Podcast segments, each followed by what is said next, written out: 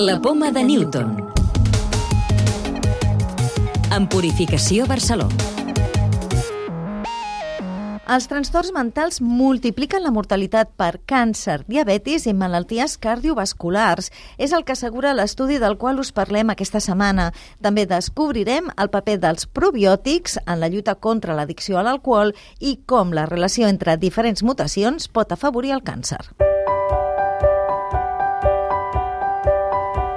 Un estudi internacional amb participació de l'IDIVAPS analitza com influeixen trastorns com la depressió, l'esquizofrènia en malalties físiques i demostra que, per exemple, la depressió augmenta un 50% les morts per insuficiència cardíaca i que reduir-la evitaria també morts en persones amb diabetis. En la recerca s'han analitzat milions de dades de pacients i també han pogut determinar fins a quin punt prevenint els trastorns mentals es pot reduir la mortalitat per altres malalties malalties. Joaquim Raduà és l'investigador del l'IDIVAPS que ha participat en l'assaig. Vam trobar que les associacions amb major evidència eren per a l'esquizofrènia i la depressió. Per exemple, tenir depressió multiplicava per 3 la mortalitat en pacients diabètics i augmentava un 50% la mortalitat en pacients amb insuficiència cardíaca o renal. Si poguéssim reduir la depressió, podríem arribar a evitar una de cada quatre morts en pacients diabètics o en el cas de l'esquizofrènia vam veure que augmentava un 75% la mortalitat per càncer i un 50% les morts per malalties cardiovasculars. Altre cop, si poguéssim reduir l'esquizofrènia, podríem arribar a evitar una de cada vuit morts per malalties cardiovasculars.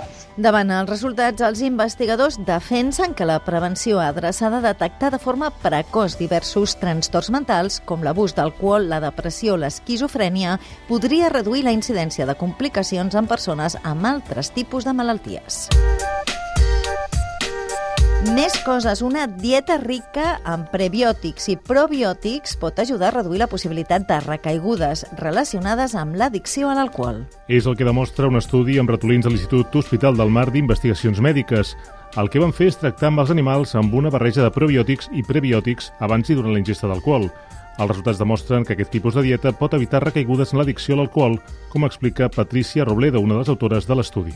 Los resultados mostraron que los ratones que recibieron el tratamiento eran menos propensos a la recaída cuando el alcohol se les presentaba de nuevo en comparación con los ratones control. Identifiquen per primera vegada que el desenvolupament del càncer pot dependre de la interacció entre dues o tres mutacions genètiques. Es tracta d'una troballa molt important, ja que suposa descobrir una nova regla del llenguatge genètic desconeguda fins ara, que pot explicar per què de vegades una mateixa mutació produeix càncer i d'altres vegades vegades no. Fran Sopec és el cap del Laboratori de Genòmica de Dades de l'Institut de Recerca Biomèdica que ha participat a l'estudi.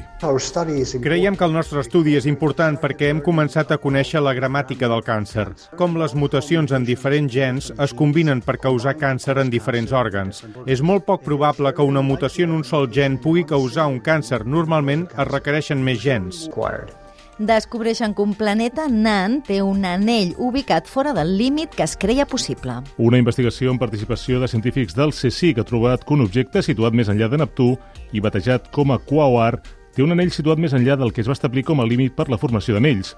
Per tant, la recerca desafia la teoria sobre la distància que poden acumular els fragments de pols i gel que formen aquests anells, coneguda com a límit de Roche, a partir de la qual es creia que només es podien formar satèl·lits.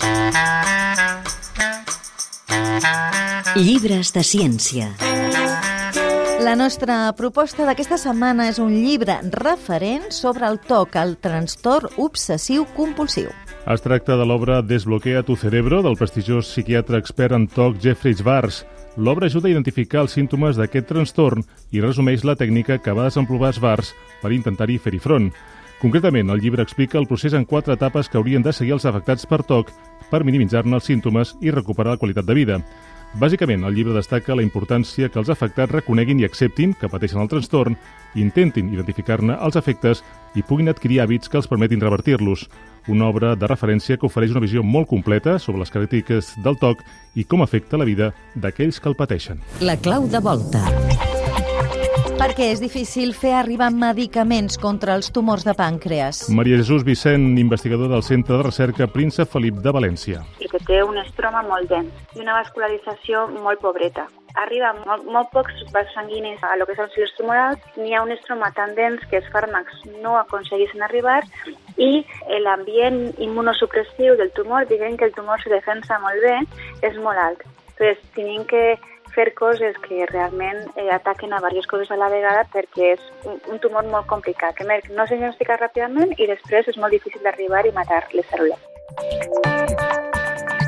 Recordeu que podeu descarregar-vos el podcast de la Poma de Newton o subscriure-us al programa per rebre'l directament als vostres dispositius.